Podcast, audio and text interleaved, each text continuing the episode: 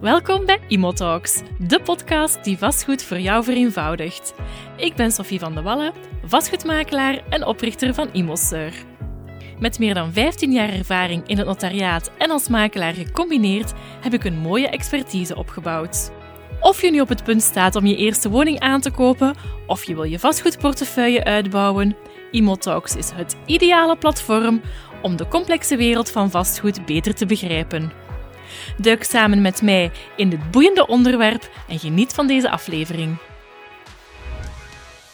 Hey, welkom bij deze aflevering van Imotalks. Vandaag heb ik een gast bij mij en dat is niemand minder dan Jeroen van Alexius Advocaten. Hij is gespecialiseerd in vastgoed en ondernemingsrecht. Welkom Jeroen. Goedemorgen Sophie. Heel leuk dat je erbij bent. Um, we gaan vandaag ook een heel uh, heikel onderwerp aanhalen. We gaan dat, we gaan dat gewoon doen. Um, een onderwerp waar heel veel vragen over komen. En dat is het onderwerp van verborgen gebreken. Maar voordat we het onderwerp duiken, wou ik even vragen: waarom heb jij eigenlijk um, advocatuur gaan studeren en waarom heb je dan gespecialiseerd in het vastgoeddeeltje? Wel, uh, ja, de keuze voor uh, advocatuur was uh, tijdens mijn studie snel gemaakt. Enerzijds ja, negatief, ik kon geen wiskunde, maar vooral positief. allee, het sprak mij echt aan, dus ik ben ja, in, na mijn secundair onmiddellijk rechten gaan studeren. En het was van in het begin de bedoeling om ook in de advocatuur te gaan.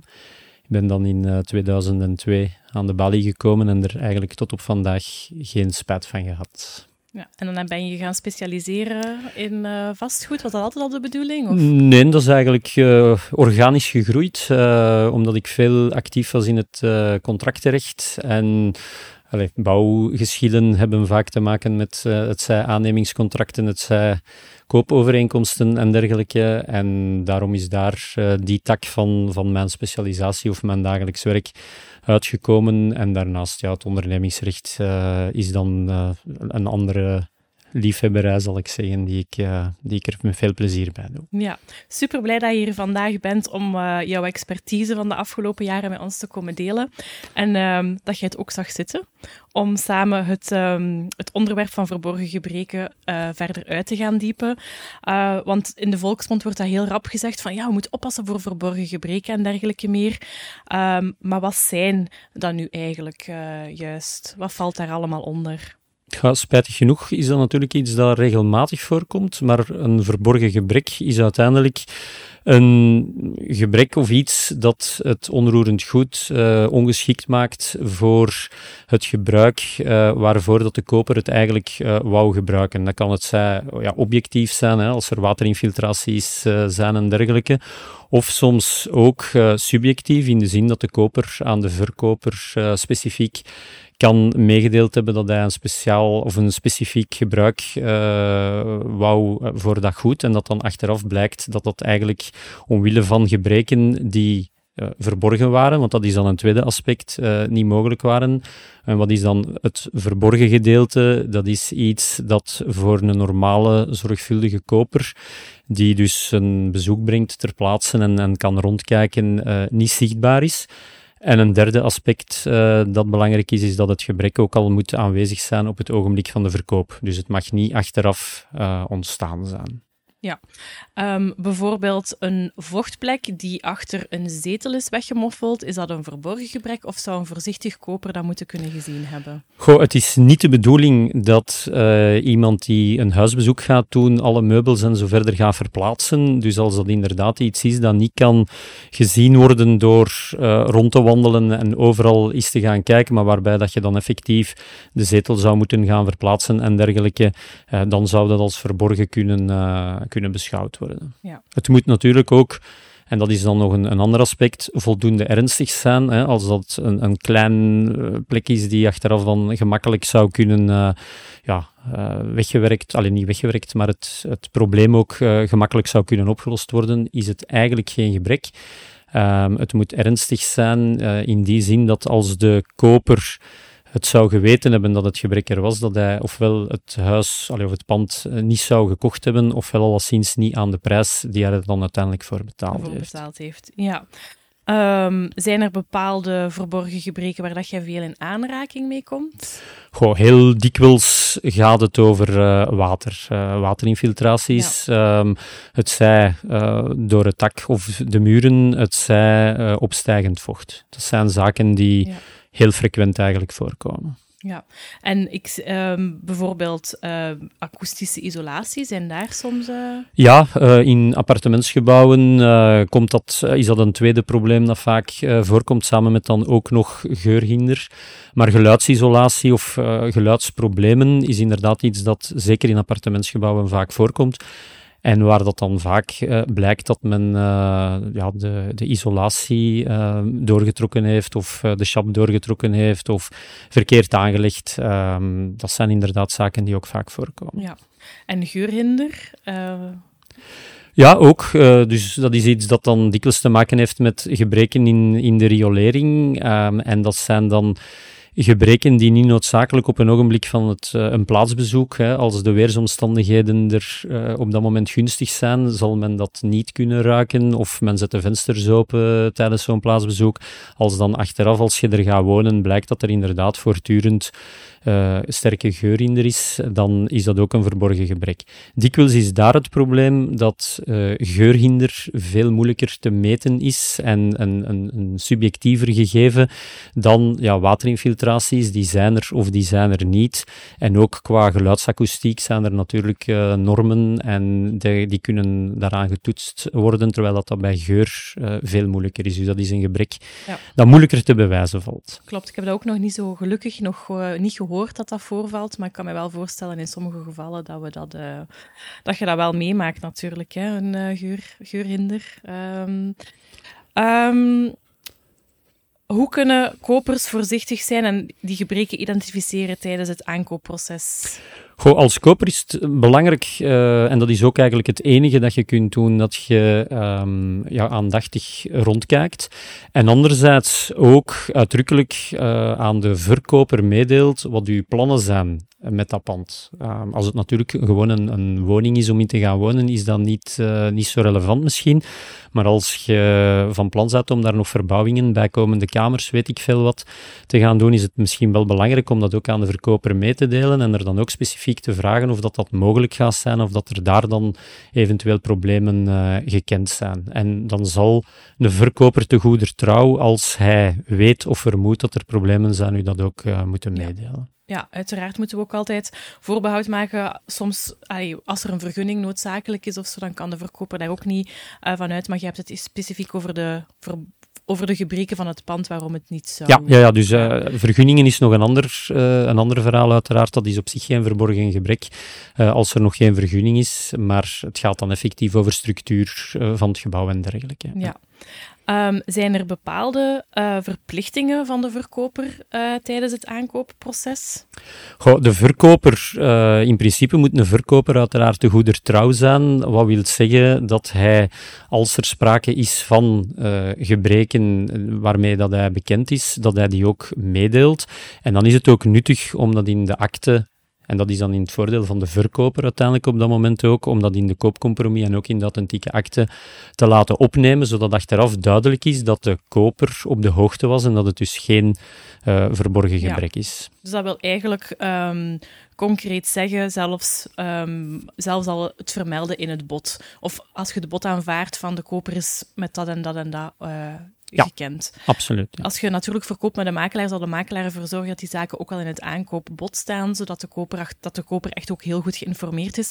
Maar mochten mensen um, onderling een aankoopverkoop regelen, moeten ze echt wel dat effectief goed op papier schrijven, um, dat daar inderdaad achteraf geen... Uh, Absoluut, ja, ja en zeker. En, en wat u zegt over hè, de rol van de makelaar daar is uiteraard uh, ook belangrijk. Hè, want de makelaar moet niet alleen verkopen, maar moet ook ja, zowel de verkoper als de koper uh, goed inlichten. En ik heb al meerdere keren meegemaakt dat achteraf eigenlijk ook de makelaar aangesproken wordt, omdat uh, een koper die op verborgen gebreken stuit, eigenlijk vaststelt van ja, dat kan niet dat die makelaar, die toch professioneel is en dagdagelijks bezig is met woningen en zo verder, dat niet gaat geweten hebben. Dus ook Ja. Daar eh, is het ook voor de makelaar wel belangrijk om, eh, om ook die informatie mee te geven. Stel, je, je hebt een huis gekocht, ehm, de akte is verleden, je bent verhuisd als koper en in ene keer stel je een gebrek vast. Eh, hoe moeten we dat ehm, ja, gaan hoe moeten we dat laten weten aan de verkoper? Goh, het is eh, belangrijk dat, eh, als je een gebrek vaststelt, dan natuurlijk in de eerste plaats, en dat zal ook de natuurlijke reflex zijn van de meeste mensen, om contact op te nemen met eh, de verkoper, hè, om dat te melden en om dan te kijken welke oplossing daaraan kan gegeven worden. Daar is in feite geen specifieke vorm vereist, hè, dus het is niet verplicht om dat aangetekend te doen, maar uiteraard het bewijs zal achteraf bij de koper liggen en dus het is wel aan te raden om dat minstens, ook als je er gewoon mee belt eh, en zo verder, om dat te bevestigen via mail. Hè. Als daar dan een reactie op komt of er is een ontvangstbevestiging, is dat voldoende. Of eventueel ook eh, via aangetekend schrijven. Dat zal ook belangrijk zijn voor de termijnen eh, achteraf om daar discussies eh, uit te sluiten. Ja, eh, mogen we een WhatsAppje sturen naar de verkoper van hey, ik heb dat ontdekt? Dat is inderdaad de dag van vandaag gebruikelijk dat dat via WhatsApp gebeurt, dus dat is op zich geen Ja, probleem. Maar om je goed in te dekken, misschien toch best altijd via aantekend schrijven als het echt een serieuze... Het probleem met WhatsApp is niet dat dat een mindere vorm van communicatie is, maar dat die vaak achteraf het zij automatisch gewist worden of verloren gaan en dan is uw, is uw document of uw bewijs eh, ook weg. Ja, dus opnieuw ja, weer dat bewijzen, kunnen bewijzen van... eh, Ja. ja. Ehm, zijn er termijnen die lopen voor die verborgen gebreken? Goh, de algemene verjaringstermijn is eh, tien jaar, maar ehm, er moet eigenlijk, en zo staat het in de wet dan geformuleerd, binnen een korte termijn na het ontdekken van het gebrek moeten in actie komen. Als je te lang wacht, eh, ja, is het laattijdig. Eh, wat is natuurlijk een korte termijn? Eh, in Nederland is daar eh, een tijd rechtspraak geweest die gezegd heeft, ja, dat is twee maanden, maar dat is dan achteraf eh, vernietigd omdat dat niet met zoveel woorden in de wetgeving staat. Dus hier moet er eigenlijk gekeken worden van, ja, wat is de ernst van het gebrek? Is, evolueert het? Zijn er gesprekken aan de gang? Zijn er onderhandelingen met de verkoper? En als dat allemaal in acht genomen wordt, dan, dan wordt die termijn wat langer. Maar in het algemeen raad ik de mensen aan om minstens, allee, of toch ten laatste na een maand of drie eh, actie te ondernemen en daar ja, in gebrekenstellingen te versturen. Dat is één, maar desnoods ook een procedure in te leiden. eh. Na, na de vaststelling of eh, na de eerste melding? Ja, na de vaststellingen. Maar natuurlijk, als je het vaststelt, is het evident eigenlijk dat je zo snel mogelijk de Ja. melding doet. hè. En best geen drie maanden wachten om het te gaan, eh, te Nee. gaan melden. Ja. Ja. Oké. Ehm, wie, dus stel we hebben een probleem, we hebben een verborgen gebrek ontdekt. Hoe wordt die verantwoordelijkheid ehm, bepaald van eh, wie verantwoordelijk is voor het gebrek? Dat zal, ja, tenzij dat er natuurlijk tussen de verkoper en de koper een, een akkoord is, hè, dat de verkoper zegt van ja, dat is inderdaad iets dat voor mij is eh, en ik ga dat oplossen. Als er een discussie is, zal het eh, helaas eh, een deskundige zijn die dan, het zij tussen de partijen onderling, dat gebeurt in een minderheid van de gevallen, of in de, wat er in de meerderheid van de gevallen gebeurt, een door de rechtbank aangestelde expert, die zal de vaststellingen moeten gaan doen. Ja. Ehm, en dan gaat er gekeken worden of, dat moedwillig was. Zijn er, zijn eigenlijk veel moedwillige eh, verborgen gebreken die jij tegenkomt in de praktijk? Goh, het is natuurlijk niet altijd duidelijk. Meestal betwist de verkoper dat hij er ooit iets eh, van geweten heeft. Daar is dan nog een extra aspect dat in de meeste authentieke actes eh, een clausule is opgenomen dat, eh, of die de verkoper ook exonereert voor verborgen gebreken. Dat is alleen geldig als de verkoper het effectief niet wist, maar dan zal de koper moeten gaan bewijzen dat de verkoper het wist. Bij, een professionele verkoper is dat eh, relatief eenvoudig in die zin dat die wordt vermoed om het gebrek effectief te kennen. Dus die zou dan moeten gaan het bewijs leveren dat hij het absoluut niet kon weten. Bij een eh, particuliere verkoper eh, is dat geldig tot als het tegendeel bewezen is. Dus dan zal de koper moeten gaan eh, bijkomende argumenten aanhalen eh, die aantonen dat inderdaad die verkoper het moet geweten hebben. Ja. En dat gebeurt dan vaak door ja, de ernst, hè, als het gaat over opstijgend vocht en je koopt een huis dat net geschilderd is, zoals in de praktijk wel is gebeurd, of waar dat lambrisering tegen de muur gezet is, en na drie maanden komt daar vocht door, is dat toch al een vermoeden dat dat, dat dat ook aanwezig was op het ogenblik van de verkoop. Klopt, ja. Zie inderdaad, als je begint te schilderen na vochtschade, of zorg ervoor dat het eerst aangepakt is met de nodige facturen dat je kunt bewijzen als verkoper ook. we hebben dat hier professioneel laten aanpakken. Maar het is bijvoorbeeld ja, nog niet opgelost, maar dat kon je dan zelf niet weten. Maar als je gewoon gaat beginnen schilderen om het even te verdoezelen... Ja, camoufleren is niet oplossen. Hè. En dat is dan dikwijls de discussie, is het gecamoufleerd of eh, heeft men het uh, proberen het huis fris uh, op te frissen? Ja. In de meeste co compromissen staat ook natuurlijk en verklaart de verkoper dat hij zelf geen kennis heeft van uh, verborgen gebreken. Ja, en dat is geldig als de verkoper effectief de goeder trouw Dus dat zal ervoor zorgen dat er eigenlijk een extra horde is voor de, de koper. Hè. Die gaat in moeten aantonen dat die verklaring eigenlijk fout was. Voilà. Zijn er bepaalde uh, zaken die de kopers zeker en vast kunnen doen om, uh, om, om het risico van verborgen ver, ver, gebreken te verminderen? Goh, ja, wat we daar straks uh, gezegd hebben, hè. uiteraard goed rondkijken voor de aankoop, de verkoper meedelen wat, uh, wat je met het pand van plan zet. Maar één keer dat het aangekocht is, kun je natuurlijk niet veel, niet veel meer doen, behalve als er iets zou voorkomen, het zo snel mogelijk melden. Ja, en um, zijn er tips die je aan de verkoper kan meedelen?